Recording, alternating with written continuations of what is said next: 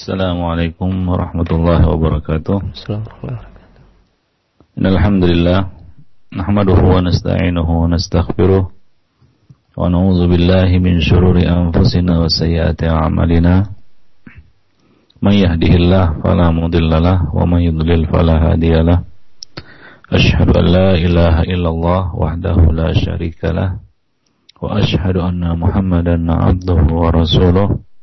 يا أيها الذين آمنوا اتقوا الله حق تقاته ولا تموتن إلا وأنتم مسلمون أما بعد فإن أحسن الكلام كلام الله وخير الهدي هدي محمد صلى الله عليه وسلم وشر الأمور محدثاتها وكل محدثة بدعة وكل بدعة ضلالة وكل ضلالة في النار Ikhwanifiddin para pendengar yang berbahagia Alhamdulillah pada pagi ini kita dapat bertemu kembali Dalam uh, kajian yang rutin kita adakan setiap selasa pagi. Kita membahas tentang dosa-dosa besar Atau Al-Kabair.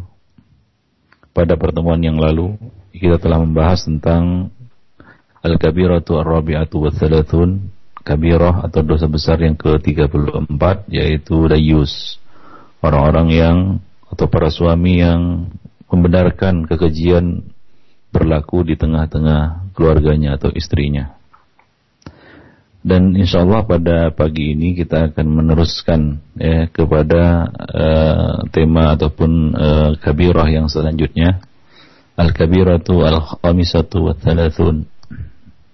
Dosa besar yang ke-35 yaitu nikah tahlil al-muhallil wal muhallal lahu. Orang-orang yang melakukan nikah jina buta. Nah, ini merupakan salah satu di antara uh, dosa besar yang pelakunya diancam laknat ya oleh Rasulullah sallallahu alaihi wasallam. Nikah tahlil itu sendiri uh, dapat digambarkan ya sebagai berikut yaitu seorang laki-laki menikahi wanita yang telah ditalak tiga. Ya yang telah ditalak tiga oleh suami suaminya atau mantan suaminya. Nah kemudian laki-laki itu pun sengaja menikahi lalu dengan niat menalak istri uh, wanita tersebut agar dapat kembali dinikahi oleh suaminya yang pertama. Pernikahan ini disebut juga sebagai pernikahan Cina buta atau nikah tahlil pernikahan ini telah melanggar ya firman Allah Subhanahu wa taala yang Allah Subhanahu wa taala sebutkan di dalam surat Al-Baqarah ayat 230 Allah berfirman fa in talaqaha fala tahillu lahu min ba'du min ba'du hatta tankiha zawjan ghairahu fa in talaqaha fala junaha 'alaihima ay yataraja'a in dhanna ay yuqima hududallah.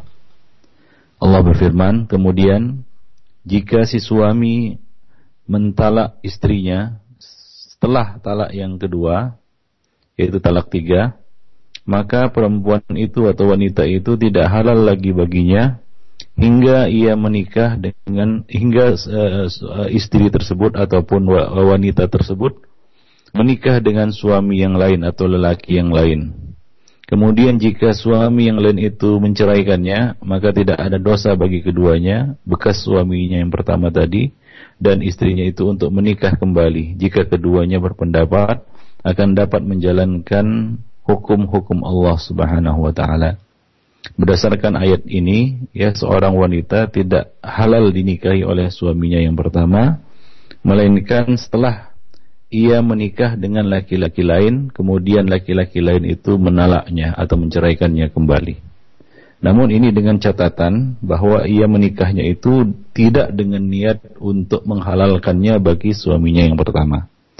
Seorang suami yang telah menjatuhkan talak tiga kepada istrinya, itu tidak dihalalkan untuk rujuk kembali, hingga wanita itu menikah dengan laki-laki lain, lalu berpisah dengannya dan masa iddahnya selesai selama pernikahan itu tidak bertujuan untuk menghalalkannya bagi suaminya yang pertama ya yaitu tidak dengan tujuan nikah tahlil atau nikah cina buta Jika suami kedua menikahinya karena rasa cinta, lalu ia benar-benar bercampur dengannya, berhubungan intim, berhubungan suami istri dengannya, hingga pasangan suami istri itu merasakan kenikmatan pada diri masing-masing. Kemudian mereka berpisah, baik cerai maupun karena kematian, maka setelah habis masa iddahnya itu, ya, wanita itu halal kembali dinikahi oleh suaminya yang sebelumnya telah menalaknya talak tiga. Ya dia halal kembali. Dia boleh kembali menikah dengan mantan suaminya yang telah mentalaknya dengan talak tiga. Ya jadi syaratnya adalah dia menikah dengan laki-laki lain dan dia merasakan kenikmatan dari pernikahan itu ya keduanya merasakan kenikmatan dari pernikahan itu yaitu telah melakukan hubungan intim jadi tidak sekedar akad pernikahan demikian pula ya dengan catatan tidak ada niat untuk melakukan nikah tahlil atau untuk menghalalkannya bagi suaminya yang pertama atau mantan suaminya tersebut. Diriwayatkan dari Aisyah radhiyallahu anha bahwasanya ya istri Rifa'ah Al-Quradi datang kepada Rasulullah dan ia berkata, "Wahai Rasulullah, Rifa'ah telah mentalakku dan telah jatuh talak ketiga, yaitu talak tiga." Setelah itu aku menikah dengan Abdurrahman bin Az-Zubair Al-Quradhi. Namun aku tidak merasakan kenikmatan pernikahan bersamanya. Ya, aku tidak merasakan nikmatnya pernikahan bersamanya. Ya, pada uh, maksudnya di sini adalah uh, apa namanya? Dia tidak uh, disebutkan bahwasanya dia seperti ujung kain hingga ia tidak dapat uh, memuaskan ya kebutuhan biologisnya. Nah, demikian ya e, maka Nabi Shallallahu Alaihi Wasallam berkata kepadanya la'allaki turidina an tarji'i ila rifa'ah kelihatannya kamu ingin kembali kepada rifa'ah kemudian Nabi mengatakan la tidak boleh hatta yadhuqa usailataki wa tadhuki usailatah. Tidak boleh hingga Abdurrahman merasakan kenikmatan darimu dan kamu merasakan kenikmatan darinya. Ya yang dimaksud adalah ya jima yaitu berhubungan intim. Ya batasan minimalnya adalah bertemunya dua khitan ya yang mewajibkan hudud yaitu perjina apa namanya rajam ya eh, apa namanya dan juga mewajibkannya untuk mandi junub nah demikian jadi eh, dia tidak halal ya untuk kembali ataupun untuk eh, kembali kepada suaminya yang pertama ya kecuali dengan ia menikah dengan laki-laki lain dan pernikahan itu adalah pernikahan yang benar-benar didorong oleh rasa cinta ya dan kemauan ya bukan dengan niat untuk menghalalkannya bagi suaminya yang pertama.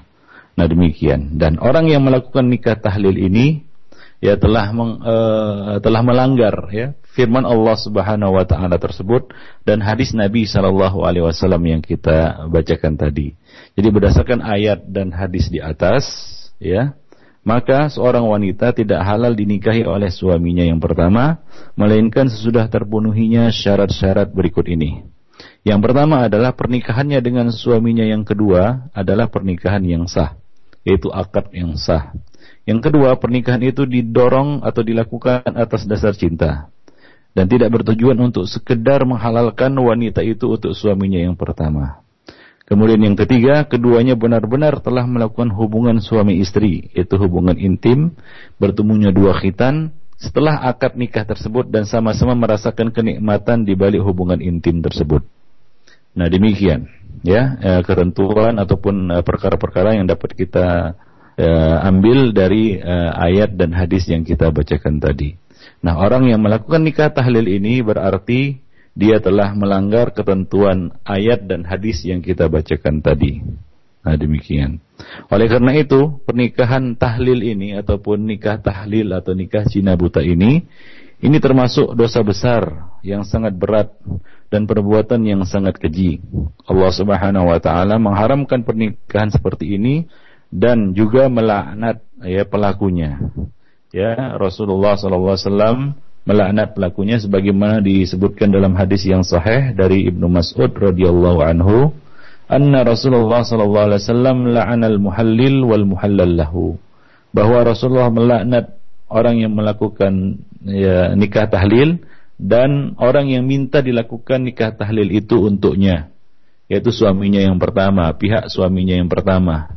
Jadi eh, suaminya eh, yang melakukan nikah tahlil itu atau laki-laki yang melakukan nikah tahlil itu dan laki-laki yang di, yang yang minta ya dilakukan nikah tahlil itu untuknya untuknya kedua-duanya ya, mendapatkan laknat dari Rasulullah sallallahu alaihi wasallam ya. Kedua-duanya mendapat laknat dari uh, Rasulullah sallallahu alaihi wasallam. Nah itu adalah riwayat Ibnu Mas'ud radhiyallahu anhu. Adna Rasulullah sallallahu alaihi wasallam la'anal muhallil wal muhallal lahu. Bahwa Rasulullah sallallahu alaihi wasallam melarang atau melaknat ya uh, orang yang melakukan nikah tahlil dan orang yang minta dilakukan nikah tahlil itu untuknya. Ya, nah demikian. Hadis ini sahih diriwayatkan oleh Tirmizi, An-Nasa'i, Ad-Darimi dan lain-lainnya. Ya kemudian disahihkan oleh Syekh Al-Albani di dalam Irwaul Ghalil. Nah itu laknat dari Rasulullah sallallahu alaihi wasallam. Ternyata bukan hanya laknat dari Rasulullah sallallahu alaihi wasallam ya juga laknat dari uh, Allah Subhanahu wa taala. Sebagaimana yang diriwayatkan dari Ali bin Abi Thalib, ia berkata bahwa Rasulullah sallallahu alaihi wasallam bersabda, "La'anallah al-muhallil wal muhallal lahu." Allah melaknat ya al-muhallil, laki-laki yang melakukan nikah tahlil dan al-muhallal lahu yaitu suami yang pertama, suami pertama yang minta agar pernikahan itu dilakukan. Nah demikian. Dan hadis semacam ini diriwayatkan juga dari Ibnu Abbas ya dan para ulama lainnya. Nah demikian. Kemudian At-Tirmidzi mengatakan wal amal ala dzalika inda ahli ilmi. Inilah yang diamalkan dan inilah pendapat yang dipilih oleh para ahli ilmu. Minhum Umar bin Al-Khattab wa Utsman bin Affan wa Abdullah bin Umar ya, wa huwa qaulul fuqaha min at-tabi'in. Ini adalah pendapat Umar bin Khattab, Utsman bin Affan, Abdullah bin Umar dan ini adalah pendapat para fuqaha dari kalangan tabi'in. Para fuqaha dari kalangan tabi'in. Abu Ishaq Al-Juzazani uh, diriwayatkan afwan diriwayatkan dari Uqbah bin Amir radhiyallahu anhu ia mengatakan qala Rasulullah sallallahu alaihi wasallam ala ukhbirukum bitaisil musta'ar Qalu bala ya Rasulullah. Faqala Rasulullah sallallahu alaihi wasallam huwa al-muhallil. La'ana Allah al-muhallil wal muhallal lahu. Rawahu Ibnu Majah bi isnadin sahih. Diriwayatkan dari Uqbah bin Amir ia mengatakan bahwa Rasulullah sallallahu alaihi wasallam bersabda, "Maukah kamu aku beritahu tentang kambing pejantan?" Tais al-Musta'ar, kambing pejantan yang disewakan. Maka para sahabat menjawab yaitu di, diserupakan pelakunya ini dengan kambing pejantan ya dengan hewan ya hewan yaitu kambing yang biasa dijadikan sebagai ya, pejantan untuk membuahi betina-betina ya kambing-kambing betina ya biasa disewa disewa-sewakan nah, demikian nah para para sahabat menjawab ya tentu saja wahai Rasulullah sallallahu alaihi wasallam maka Rasulullah sallallahu alaihi wasallam berkata, itu adalah muhallil dan muhallal lahu, yaitu orang-orang yang melakukan nikah tahlil dan orang yang diminta orang yang meminta untuk dilakukan nikah tahlil itu baginya. Nah demikian ikhwan fillah azani Allah wa iyyakum jami'an. Hadis ini juga sahih disahihkan oleh uh, Al Albani di dalam Irwaul Ghalil. Dihasankan oleh Al Albani di dalam Irwaul Ghalil. Ya. Taib. Dan ini merupakan pendapat para ulama ya, para sahabat dan para tabi'in. Mereka sepakat bahwa nikah tahlil ini termasuk salah satu di antara dosa besar yang diancam laknat atas pelakunya. Dan Rasulullah Sallallahu Alaihi Wasallam menyerupakan pelakunya seperti hewan, kambing pejantan. Nah, jadi ini menunjukkan bahwa dosa ini adalah dosa yang besar, ya. Uh, diriwayatkan dari beberapa para uh, tabiin atau sahabat dan tabiin di antaranya adalah uh, dari Ibnu Umar radhiyallahu anhu ya bahwa anna rajulan sa'alahu ada seorang laki-laki yang bertanya kepadanya faqal ma taqulu fi imra'atin tazawwajtuha uhilluha li zawjiha lam ya'murni wa lam ya'lam. Ada seorang laki-laki bertanya kepada Ibnu Umar, Bagaimana pendapatmu tentang seorang wanita yang aku nikahi untuk aku halalkan bagi suaminya yang pertama? Bagi mantan suaminya. Sementara mantan suaminya itu tidak menyuruhku dan dia juga nggak tahu. Maka Ibnu Umar berkata kepadanya, La, tidak boleh. Illa nikah rugbah.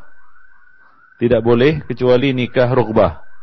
Yaitu nikah yang didasarkan oleh rasa cinta in a'jabta in a'jabatka amsaktaha wa in karihtaha faraqtaha maka Ibnu Umar berkata tidak itu tidak boleh. Walaupun suaminya yang pertama ataupun mantan suaminya ya itu tidak menyuruhnya dan tidak juga mengetahuinya. Ya Ibnu Umar mengatakan tetap tidak boleh. La illa nikah rughbah kecuali nikah itu didasari oleh rasa cinta dan kasih sayang. Yaitu memang benar-benar keinginan dan kehendaknya untuk menikah. Jika engkau menyukainya engkau tetap mempertahankannya. Dan jika engkau tidak menyukainya maka engkau silakan untuk menceraikannya. Nah demikian ya jawaban dari Ibnu Umar radhiyallahu anhu. Kemudian beliau mengatakan Wa inna kunna nu'iddu hadha safahan ala ahdi Rasulullah sallallahu alaihi wasallam. Dahulu pada masa Rasulullah kami menganggap pernikahan semacam ini sebagai perzinaan. Ya, kami menganggap pernikahan semacam ini adalah suatu perzinaan, sifah. Nah, ini adalah athar yang sahih diriwayatkan oleh At-Tabrani di dalam Al-Ausad ya dan juga uh, disahihkan oleh Al-Albani di dalam Irwaul Ghalil. Nah demikian ikhwan fillah azani Allah wa iyyakum jami'ah. Jadi Ibnu Umar berpendapat bahwa nikah seperti itu adalah pernikahan yang batil. Tidak sah dan pelakunya dianggap ya pada masa Nabi ya itu dianggap sebagai suatu perzinaan. Wal billah. Adapun asar dari para sahabat dan tabi'in ya telah diriwayatkan oleh Al-Athram dan Ibnu Al-Mundir dari Umar bin Al-Khattab radhiyallahu anhu ia berkata la utiya bimuhallil bimuhallilin wala muhallalin lahu illa rajamtuha. Ya, tidaklah didatangkan kepadaku seorang pelaku nikah tahlil, ya muhallil, pelaku nikah tahlil dan orang yang meminta untuk dilakukan untuknya atau muhallil lahu illa rajamtuhuma, melainkan aku akan merajam keduanya. Aku akan merajam keduanya. Demikian pula Ibnu Umar ditanya, uh, uh, Ibnu Umar radhiyallahu anhu ditanya tentang tahlilul mar'ah li zaujiha. Tentang seorang wanita yang minta dirinya dihalalkan untuk suaminya yang pertama, untuk mantan suaminya. Maka beliau mengatakan, faqala Ibnu Umar, "Dzalika as-sifah." Itu adalah perzinaan. Itu adalah perzinaan. Nah, demikian. Riwayat ini diriwayatkan oleh Abdul Razak dan Ibnu Abi Syaibah di dalam musannaf keduanya dan dengan sanad yang sahih. Taib. Nah demikian juga diriwayatkan dari Abdullah bin Syarik Al-Amiri dia mengatakan sami'tu ibn Umar wa qad su'ila an rajulin talaqa ibnata ammin lahu thumma nadam. Ya, aku mendengar Ibnu Umar ditanya tentang seorang laki-laki yang menceraikan ya is, uh, anak paman putri pamannya yaitu eh, dia punya istri ya, yang berasal dari putri pamannya sendiri dan dia telah mentalaknya dengan talak tiga. Kemudian dia menyesal. Ya kemudian dia menyesal telah mentalak istrinya tersebut ya dengan talak tiga. Raghaba fiha. Kemudian dia ingin kembali ya kemudian ia menyukainya kembali. Ya ingin kembali kepada istrinya itu ya. Fa arada rajulun ayatazawwajaha liyuhilla ya, liyuhillaha lahu Kemudian ada seorang laki-laki yang ingin membantunya ya menikahi istri mantan istrinya itu agar mantan istrinya itu halal baginya. Maka faqala Ibnu Umar radhiyallahu anhuma, Ibnu Umar berkata, kilahuma zanin. Keduanya itu pezina. Yaitu laki-laki yang menikahinya itu ya dan juga eh, laki-laki yang ya, apa namanya yang minta untuk dilakukan nikah nikah Cina buta itu. Ya nikah tahlil itu ya. Kemudian Ibnu Umar mengatakan wa in makasa isyrina sana walaupun keduanya bersama selama 20 tahun atau sejenisnya. Au nahu dzalika idza kana ya'lam annahu yuridu ayyuhillaha jika dia tahu bahwasanya ya laki-laki itu menikahi ya mantan istrinya itu untuk menghalalkannya bagi dirinya. Nah demikian ya khanifuddin azani Allah wa iyyakum jami'an.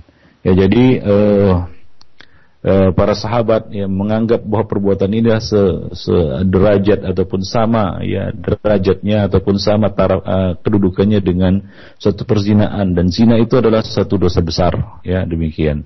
Ya, dan uh, pendapat yang serupa juga diriwayatkan dari Ibnu Abbas radhiyallahu anhuma sa'alahu rajulun ada seorang laki-laki yang bertanya kepadanya faqal Ibnu ammi talaqa imra'atahu talatan. Ada sepupuku, ya anak pamanku, dia mentalak istrinya dengan talak tiga.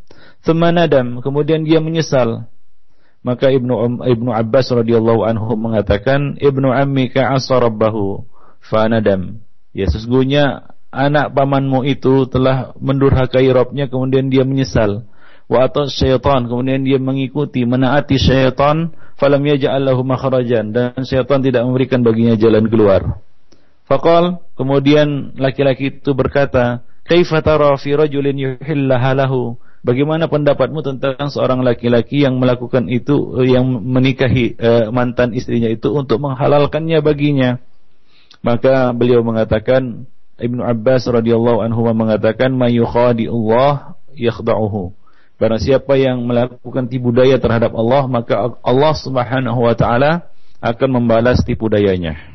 Allah Subhanahu wa taala akan membalas tipu dayanya. Nah demikian ikhwan fillah rahimani wa rahimakum jami'an. Dan hadis ini diriwayatkan oleh Abdul Razak dan juga Tahawi dengan sanad yang sahih disebutkan juga oleh Syalbani di dalam Irwaul Ghalil.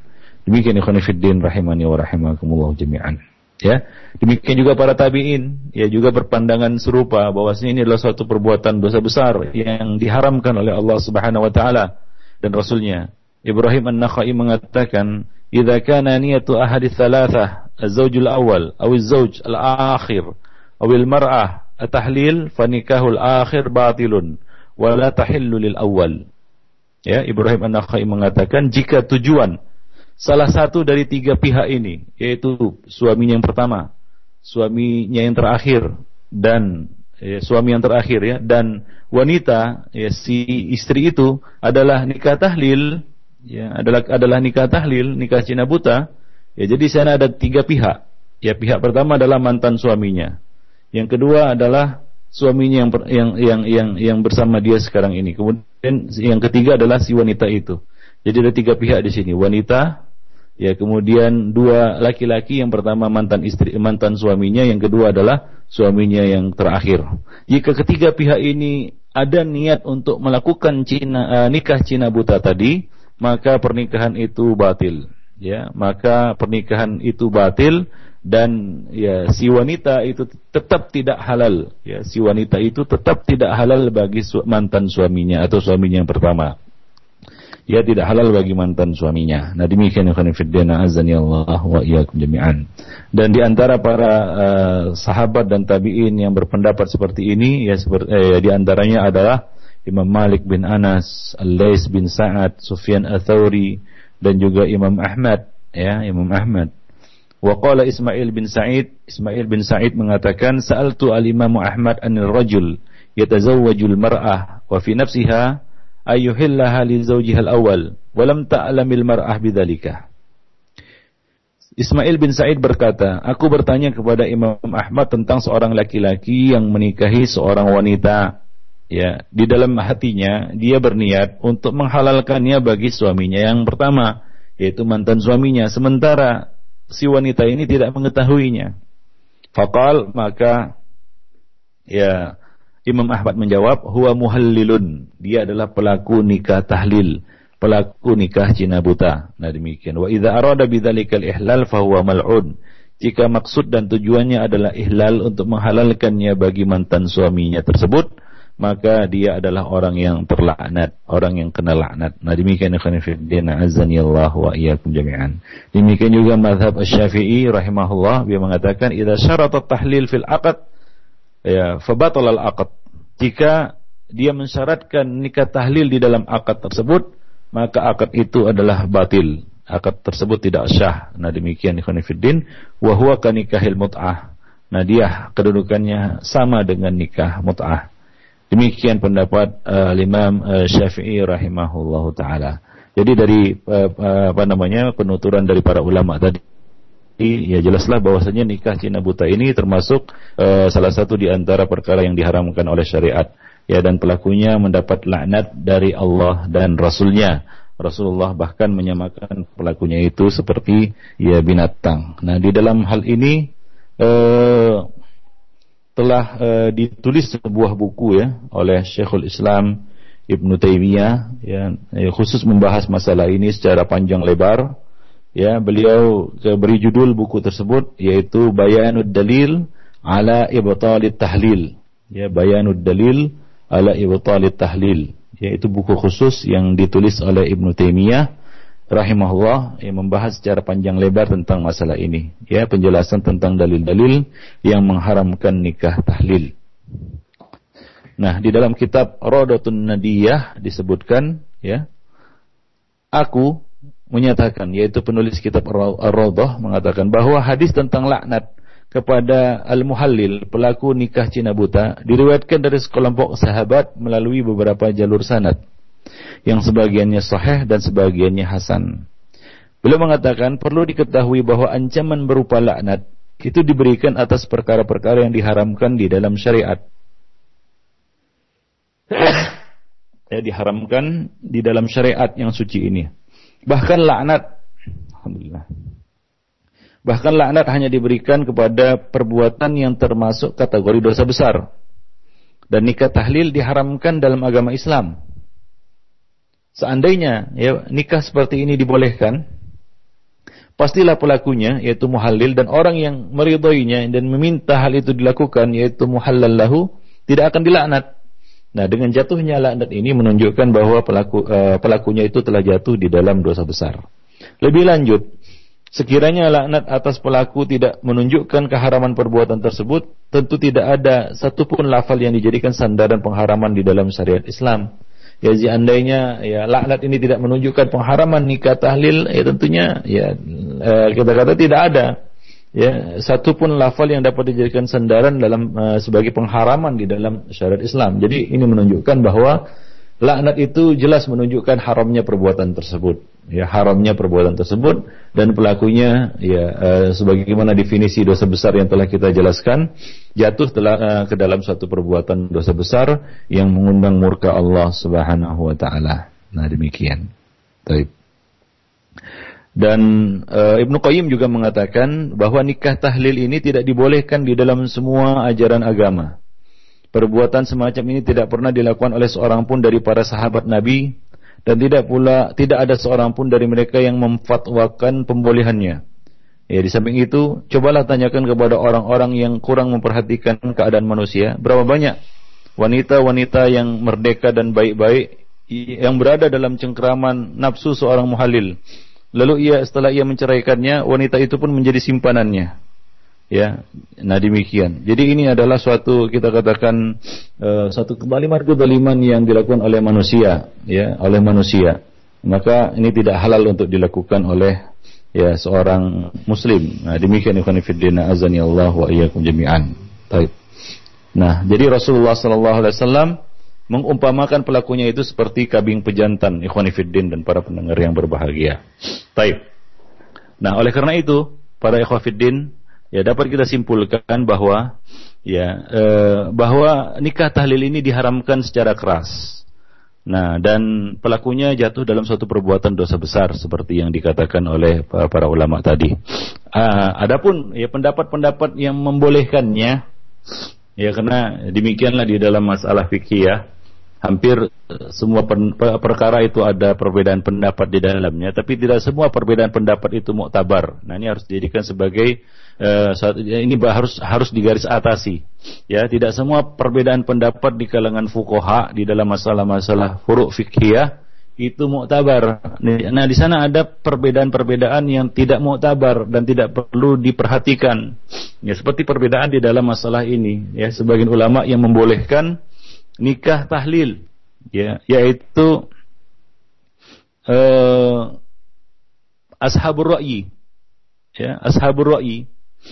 Ya, mereka mengatakan ya, ashabur ra'yi ya yaitu orang apa namanya pengikut uh, pendapat Hanafiyah ataupun orang-orang yang mengedepankan logika ya orang-orang yang mengedepankan logika ya mereka mengatakan ya ini adalah perbuatan baik untuk saudaranya sesama muslim ya dengan niat baik untuk merajut kembali hubungan suami istri yang terputus tersebut anak-anak mereka dan keluarga mereka ya ia termasuk orang yang berbuat baik dan tidak ada celah atas orang-orang yang berbuat baik apalagi dijatuhi laknat atas mereka.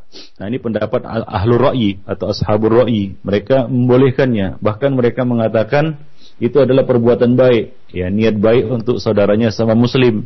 Ya dan juga e, tidak berhak untuk dijatuhkan laknat atas mereka.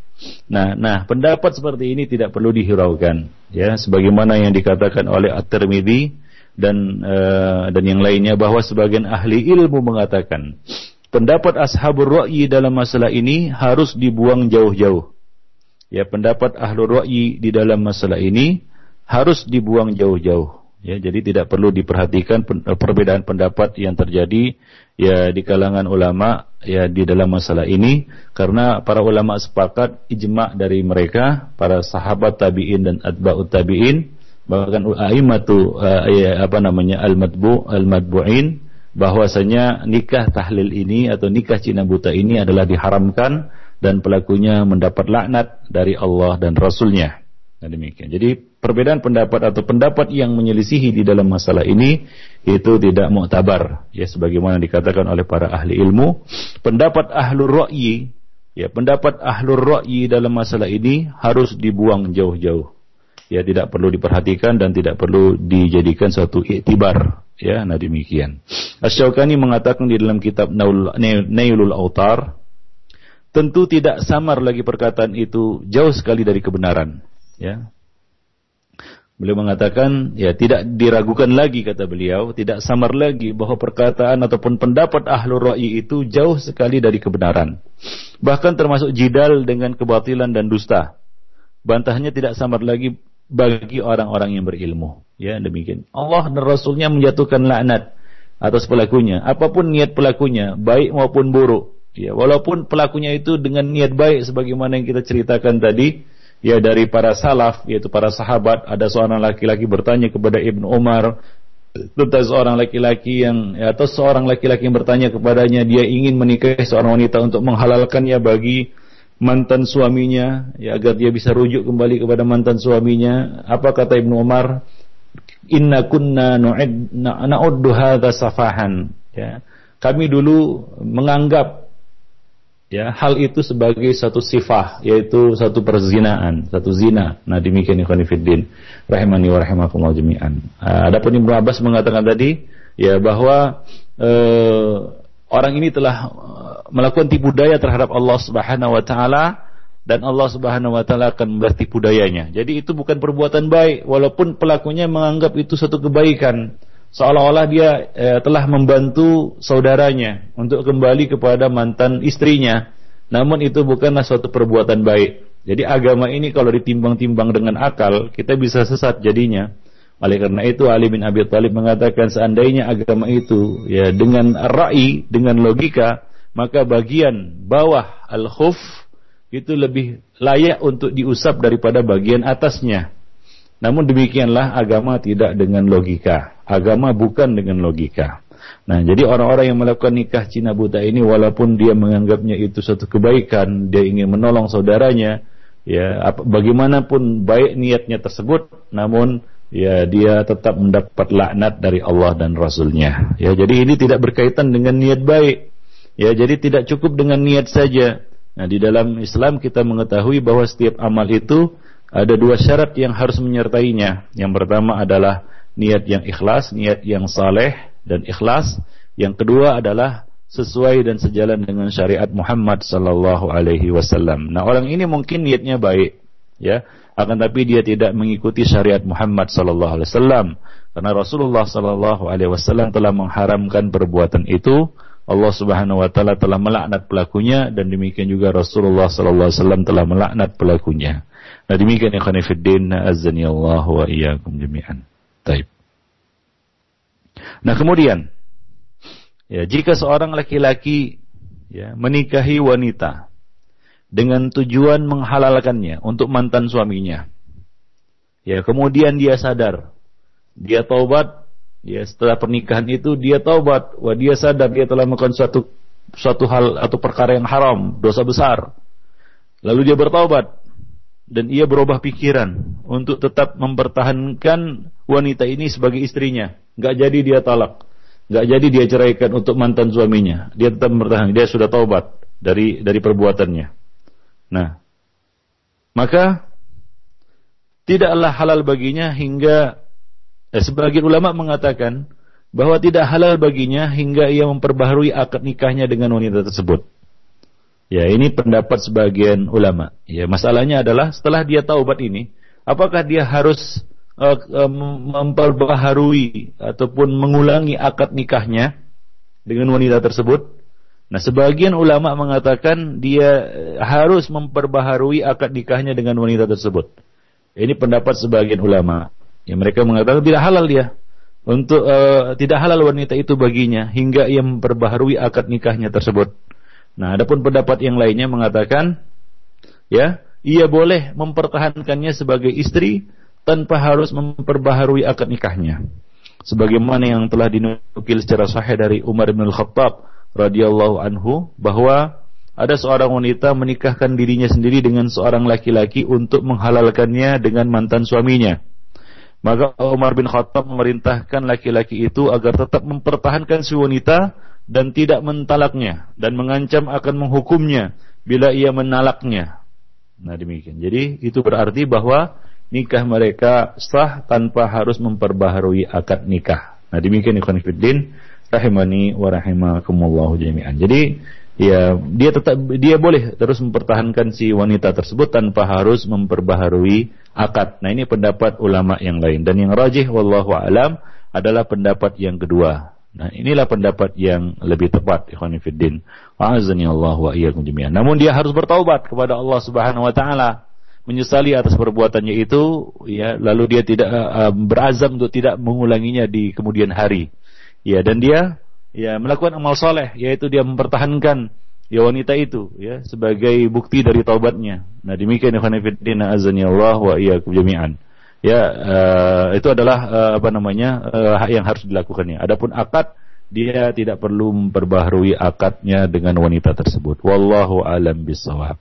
Nah demikianlah ikhwan fillah azani Allah wa iyyakum jami'an ya. E, dosa besar yang ke-35 yaitu ya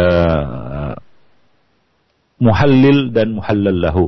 Ya pelaku nikah Cina buta dan orang yang minta untuk dilakukan nikah tersebut baginya.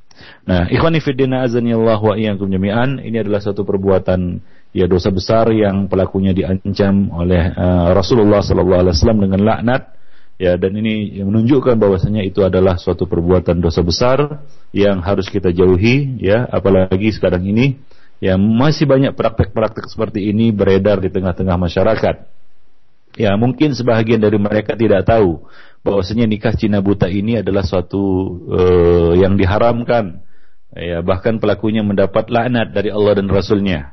Nah, hendaknya mereka ya mempelajari dan kembali menuntut ilmu ya dan mem, apa namanya mengkaji kembali masalah ini bahwa uh, syariat Islam telah mengharamkan perbuatan tersebut. Yang kedua, mereka melakukannya dengan takwil atau mengikuti pendapat yang keliru. Ya, pendapat ahlul ra'yi tadi ya, pendapat sebahagian ulama. Nah, demikian. Ya, ya lalu mereka meng, karena mengikuti hawa nafsu melakukannya. Ya, melakukan nikah Cina buta ini. Bahkan ada orang yang memang dibayar untuk melakukannya. Dibayar dia uh, untuk melakukan nikah Cina buta ini. Nah ini uh, adalah orang-orang yang ya kita yang yang disebutkan oleh Rasulullah SAW tadi ya telah mendapat laknat ya dari Allah dan Rasulnya dan juga ya para sahabat dahulu menganggap ini adalah suatu uh, kita katakan perzinaan ya suatu perzinaan yang ya, ya kita tercela dan keji. Nah demikian ikhwan dan para pendengar yang berbahagia. Nah, sebagian orang ada yang melakukannya dengan bayaran, ikhwan fillah. Nah, ini jelas ya bahwasanya perbuatan ini adalah perbuatan yang haram dan pelakunya mendapatkan ya kemurkaan dari Allah ya dan Rasulnya. Nah, demikian ikhwan fillah. Ya, dan dalam dalam hal ini hendaknya diperhatikan betul-betul bahwa kalau kita cari-cari perbedaan pendapat di kalangan ulama, ya tentu saja ada saja itu perbedaan pendapat ya di kalangan ulama. Nah, dalam hal ini ya kita mengingatkan bahwa ya man tatabba azallatal alim tasandak. Barang siapa mengikuti ya kekeliruan-kekeliruan uh, para ulama, ketergelinciran mereka, kesilapan para ulama, maka dia bisa berubah menjadi zindik. Ya, maka ia bisa menjadi zindik.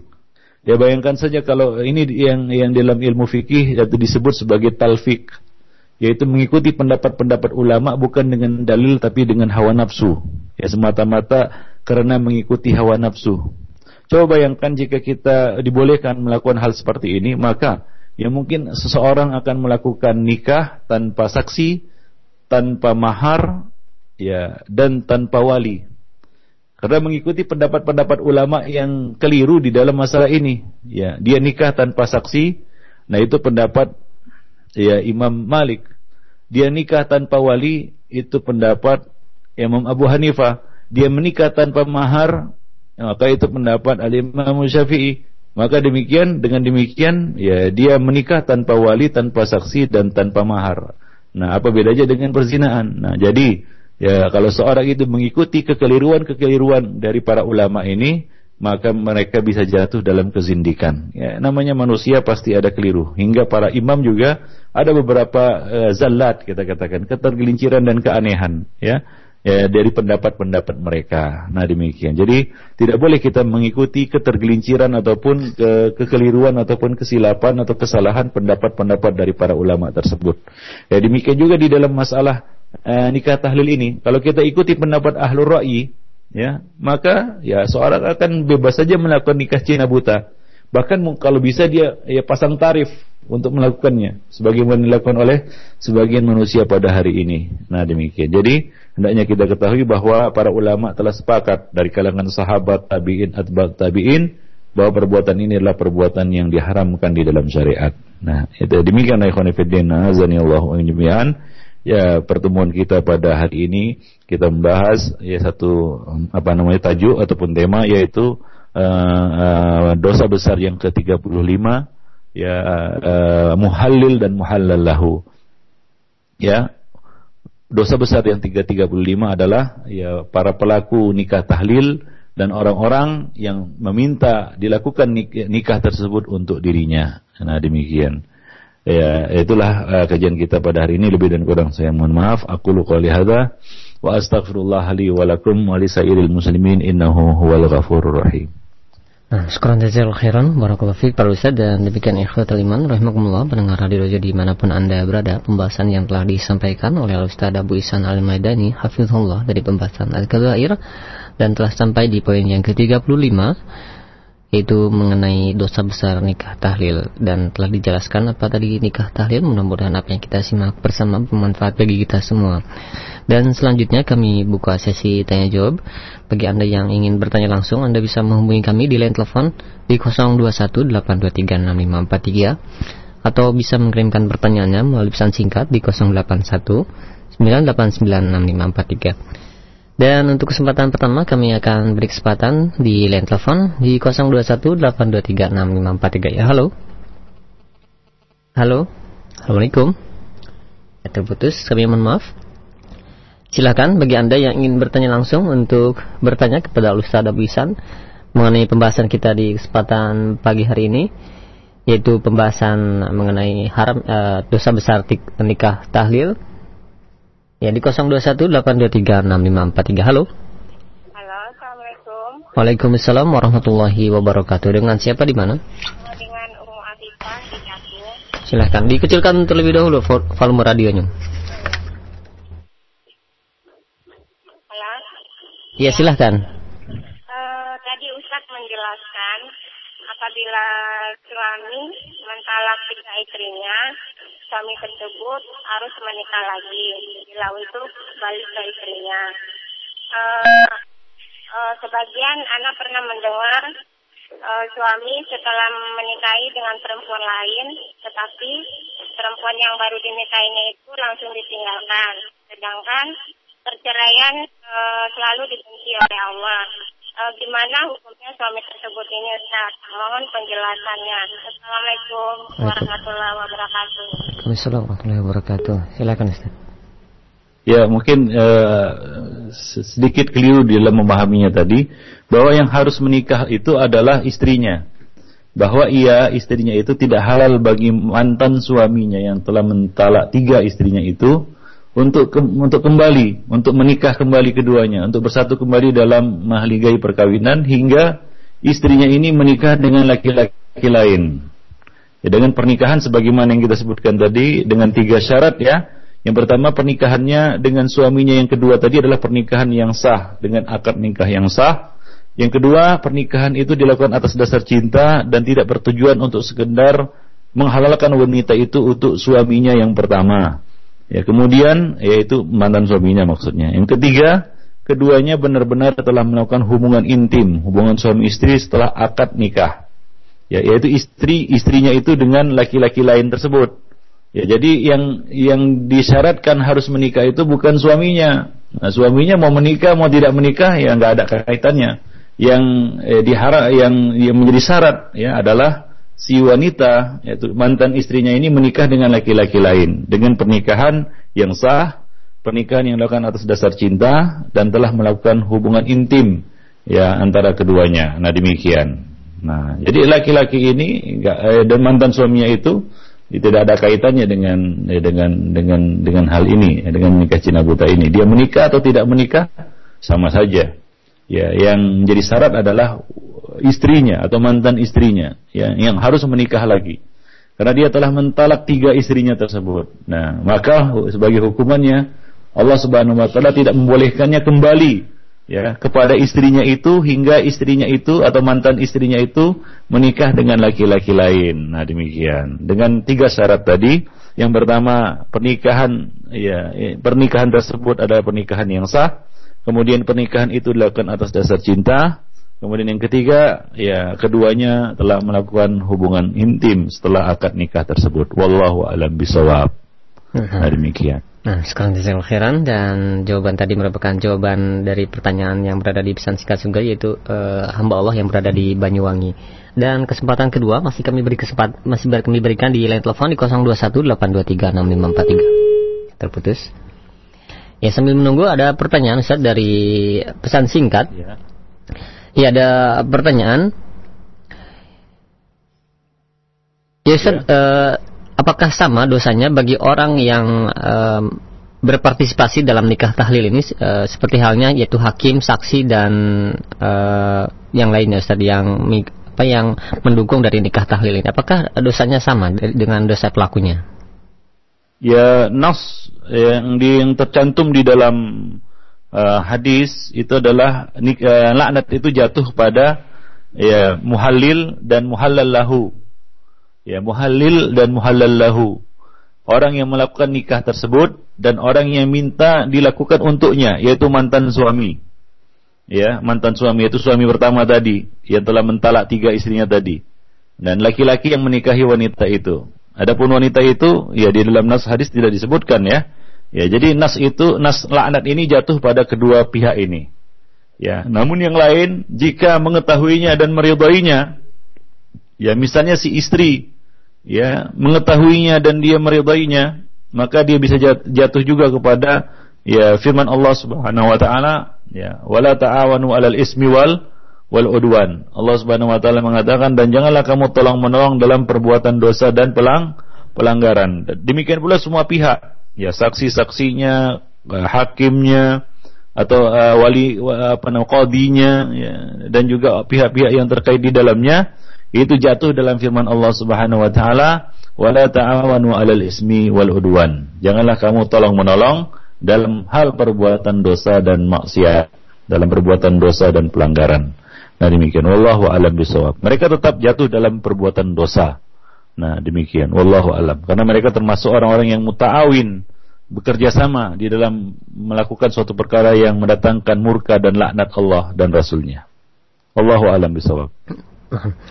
Baik, terima kasih banyak atas jawabannya dan selanjutnya masih kami terima di line telepon 0218236543. Halo. Halo. Ya. Assalamualaikum. Waalaikumsalam warahmatullahi wabarakatuh. Dengan siapa di mana? Dikecilkan terlebih dahulu Ibu, volume radionya ada feedback. Oke. Iya. Ya, langsung ke inti pertanyaan Bu ya. Tanya Ustaz, uh, tadi kan masalah tentang nikah tahlil ya. Tadi saya nggak ngerti nikah tahlil itu apa sih gitu. Cuman saya ada mendengar kawan saya, dia itu nikah secara hakikat. Kalau nikah secara hakikat itu kan secara yang tidak nyata. Apakah itu dibenarkan dan diperbolehkan Ustaz? Terima kasih. Wassalamualaikum warahmatullahi wabarakatuh. Waalaikumsalam warahmatullahi wabarakatuh. Bisa disimak Ustaz? Iya bisa. Iya silakan.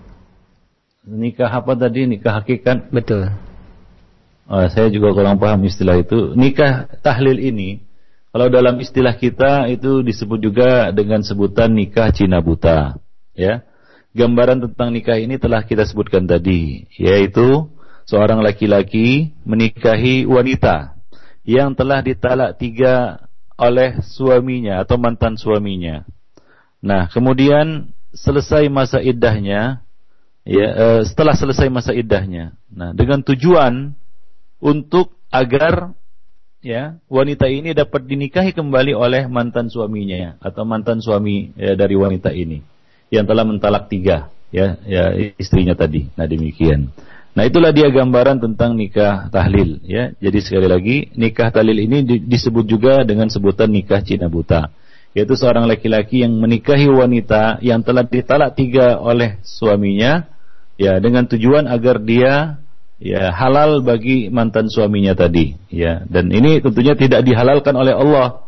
Karena Allah mengatakan hatta tangkiha zaujan ghairahu ya jika dia mentalaknya ya wa in talaqaha jika ya, si suami mentalak tiga istrinya fala tahillahu maka tidak halal baginya yaitu bagi si suami ini ya untuk kembali rujuk kembali kepada mantan istrinya hatta tangkiha hingga si istri ini menikah kembali dengan menikah ya ya menikah dengan zaujan ghairahu dengan laki-laki lain selain dari suaminya yang pertama.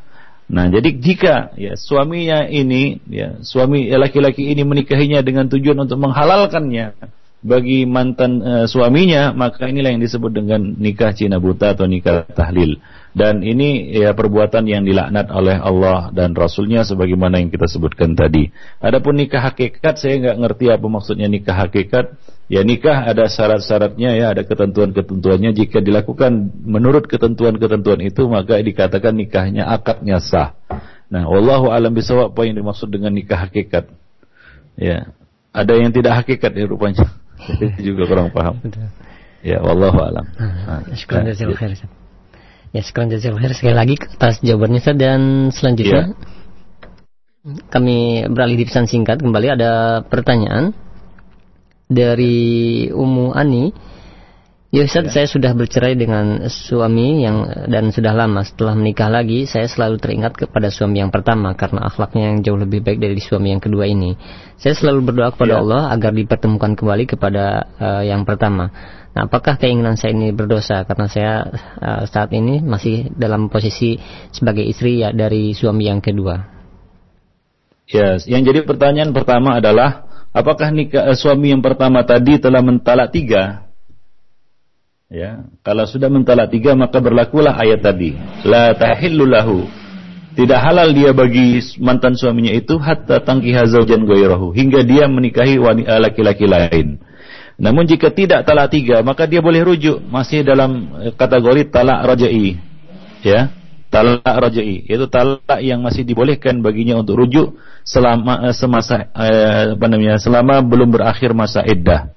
Selama belum berakhir masa iddahnya. Nah, demikian ya. Uh, adapun keinginan ya wajar keinginan itu tidak tidak salah ya sebagaimana juga yang terjadi pada uh, apa namanya tadi? Uh, istri Rifa'ah Al-Quradi istri Rifa'ah Al-Quradi ini ingin kembali kepada Rifa'ah. Rifa'ah telah mentalak tiga istrinya. Dan istrinya ini sudah menikah lagi dengan laki-laki lain yaitu Abdurrahman bin Az-Zubair. Ya Al-Quradi namun dia kayaknya kurang cocok atau kurang pas. Dia tidak merasakan nikmatnya berumah tangga dengan uh, suaminya yang baru ini yang terakhir ini maka dia ingin kembali maka Nabi juga apa namanya merasakan hal itu maka Nabi berkata kepadanya, "La'allaki turidina an tarji'i ila rifa'ah." Kelihatannya kamu ini ingin kembali kepada rifa'ah.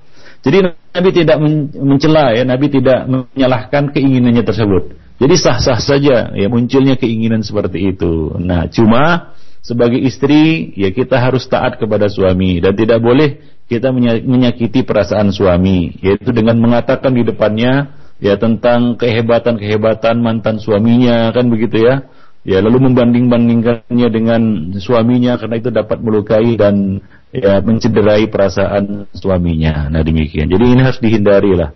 Para istri jangan suka membanding-bandingkan suaminya dengan laki-laki lain. Ya, karena itu akan menyakiti dan menyinggung perasaannya, ya. Nah, tentu saja kita juga tidak ingin itu dibanding-bandingkan dengan ya perempuan lain kan begitu ya. Nah, demikian juga kita ya janganlah membanding-bandingkannya di hadapan suami begitu ya ya di hadapan suami. Nah, wallahu alam bisawab. Nah, sekarang khairan dan selanjutnya kami beralih di line telepon di 0218236543 ya. Halo. Halo. Iya. Waalaikumsalam warahmatullahi wabarakatuh. Mohon dikecilkan Pak volume radionya.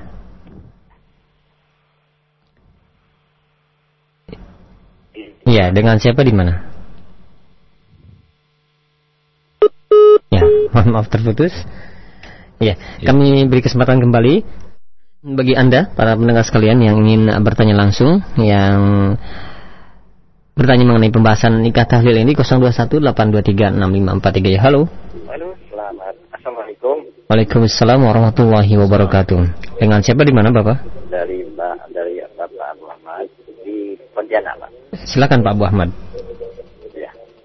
Oh ini anu tanya jawab ini? Betul Pak. Oh ya, boleh nih Pak sekarang? Iya silakan langsung Pak. Inti pertanyaan. Nah, ini Pak, eh, kan apabila ada seorang menikah Pak, ya kan? Tapi salah satu di antaranya itu tidak melaksanakan sholat, tapi dia masih yakin dengan dengan Islam itu Pak. Nah, terus batasan-batasan mana seorang laki-laki ataupun perempuan uh, meminta cerai kepada salah satunya itu Pak. Baik, itu saja Pak ya. Iya Pak, terima kasih Pak. Assalamualaikum warahmatullahi wabarakatuh. Waalaikumsalam warahmatullahi wabarakatuh. Silakan Ustaz. Ya, saya kurang bisa nangkap tadi pertanyaannya. Tolong ya. bisa dibilang ya. Iya, ada su seorang uh, suami istri yang salah satunya ya. mungkin tidak uh. Uh, tidak melaksanakan sholat. Nah, yang ditanyakan bat, sampai batasan manakah seseorang itu uh, boleh bersatu ya di antara ikatan suami istri itu e, dalam satu rumah tangga maks apa e, batasnya seperti apa Ustaz? Ya selama keduanya masih muslim dan muslimah ya tidak ada alasan untuk memfirok yaitu untuk memisahkan keduanya ya. Kecuali kedua, salah satu dari keduanya itu e, ya apa namanya murtad ya. Maka ya kita katakan e, maka difirok antara keduanya. Ya atau ada alasan-alasan syar'i seperti misalnya jatuh pada mula anah maka dia difirok setelah tak apa namanya ya setelah mula anah setelah proses mula anah selesai mereka berdua difirok atau misalnya salah satu dari keduanya murtad dari Islam maka itu difirok atau dipisah. Nah demikian nah jika tidak ada ya maka tidak ada alasan untuk memisahkan ataupun untuk e, antara suami dan istri. Nah, adapun eh, masalah-masalah yang sering kali muncul di dalam rumah tangga, ya misalnya suaminya masih bolong-bolong sholatnya atau ya tidak sholat, ya kita katakan tidak sholat lah, ya atau istrinya yang tidak sholat, ya itu bisa terjadi di dalam rumah tangga ya, ya dan mayoritas rumah tangga rumah tangga Muslim pada hari ini ya seperti itu keadaannya. Nah, ini perlu kita tegaskan bahwa orang yang meninggalkan sholat itu tidak kafir, ya belum jatuh kafir menurut pendapat yang paling sahih dari pendapat-pendapat para ulama. Nah demikian ya. Jadi tidak jatuh kafir karena meninggalkannya. Ya mungkin karena malas atau lalai ya, dan sebagainya. Selama dia tidak menghalalkan meninggalkan sholat. Ya, menghalalkan, dihalalkan meninggalkan sholat. Misalnya dia katakan sholat itu tidak wajib, maka ini dia jatuh kafir. Dan apa namanya setelah proses penegakan hujah dan lain sebagainya tidak adanya mawani dan terpenuhnya syarat-syarat maka ia bisa dijatuhi sebagai uh, seorang yang murtad. Dan apabila telah dihukumi murtad, ya maka di sini lembaga negara yang mengurusi perkawinan yaitu dalam hal ini Departemen Agama ataupun eh, apa namanya eh, dalam hal ini ya mungkin KUA bisa memisahkan antara keduanya karena tidak halal seorang apa namanya muslimah berada bersama seorang laki-laki yang murtad. Nah, demikian. Khanifiddin azani Allah wa iyyakum jami'an. Tapi ya kalau hanya sekedar dia meninggalkan sholat, dia malas sholat kan begitu ya. Nah ini adalah satu maksiat besar. Meninggalkan sholat itu adalah dosa besar seperti yang telah kita bahas sebelumnya. Maka dalam hal ini perlu proses ya kita katakan uh, pendekatan ataupun pengajaran ya ya uh, nasihat dan uh, kita katakan bimbingan ya karena demikianlah ya kondisi kaum muslimin pada hari ini mereka masih suka melalaikan sholat maka diberilah pengertian dan bimbingan kepadanya pelajaran ya dan nasihat kepadanya agar dia mau sholat nah demikian. Mudah-mudahan ya dibantu dengan doa ya apa namanya mereka ataupun para suami ini mau sholat demikian juga para istri ya mau salat ya nah demikian. Mau mengerjakan salat dan paham atas, kewajibannya akan kewajibannya yaitu salat lima waktu sehari semalam nah ini merupakan rukun Islam yang kedua ya setelah syahadat la ilaha illallah Muhammadur Rasulullah yaitu menegakkan salat lima waktu sehari semalam. Nah demikian. Jadi ya, itu tidak belum ya belum kita katakan sebagai alasan untuk memfirak memisahkan antara keduanya. Nah demikian. Adapun para istri bagaimana kalau suaminya e, mendapati suaminya itu meninggalkan sholat, apakah dia boleh meminta cerai? Ya, e, nah ini adalah suatu ya alasan ya bisa ya seorang istri itu meminta cerai ya kepada hakim jika mendapati suaminya itu seperti itu dan setelah proses nasihat ya dan bimbingan tidak mau juga sholat maka ini adalah alasan yang bisa dibenarkan oleh hakim untuk mengabulkan permintaannya yaitu memisahkannya dari suaminya. Nah, demikian. Adapun suami, ya tentunya ini adalah suatu tugas dan tanggung jawab para suami untuk mendidik istri ya agar ya menjalankan perintah Allah dan Rasulnya. Nah, jika si istri bersikeras meninggalkan sholat, maka ada alasan baginya untuk apa namanya meninggalkannya ataupun menceraikannya. Tapi ya tentunya setelah proses ya, setelah proses pembelajaran, tarbiyah, bimbingan, nasihat, ya dan juga mungkin langkah-langkah yang disebutkan di dalam ayat yang memberitahunya dengan lisan memisahkannya dari tempat tidur ya kemudian mungkin sampai proses memukulnya tanpa menyakiti kan begitu ya nah kalau semua proses itu sudah dilakukan ya sudah cukup bersabar si suami ini si istrinya juga tidak mau sholat tidak kunjung juga sholat maka ini ada alasan baginya untuk menalak dan menceraikan istrinya sebagai langkah terakhir kan begitu ya. Nah demikian jika hal itu tidak uh, mana menimbulkan satu mudarat bagi dirinya. Nah demikian ya khanifiddin azani Allah wa iyyakum jami'an. Nah demikian. Nah, Baik. khairan dan uh, pertanyaan tadi merupakan pertanyaan terakhir Ustaz dikarenakan waktu yang sudah tidak mencukupi dan mungkin ada satu kesimpulan yang dapat disampaikan. Taib ikhwani rahimani wa rahimakumullah jami'an. Alhamdulillah pada pagi ini kita telah membahas salah satu di antara dosa besar yaitu melakukan nikah tahlil. Dan ini sebagaimana yang kita sebutkan para pelakunya mendapat laknat dari Allah dan juga mendapat laknat dari Rasulullah sallallahu alaihi wasallam. Dan Rasulullah sallallahu alaihi wasallam menyamakan pelakunya itu seperti kambing pejantan ya, seperti hewan yang melakukan hal itu Ya, nah demikian juga ini adalah ijma dan kesepakatan para ahli ilmu ya e, dari kalangan ulama, e, dari kalangan sahabat tabiin, atba'ut tabiin, ya kecuali orang-orang yang menyempal ya seperti ahlu ra'i ya, dan itu tidak muktabar, tidak perlu diperhatikan, e, dibuang jauh-jauh pendapat seperti itu.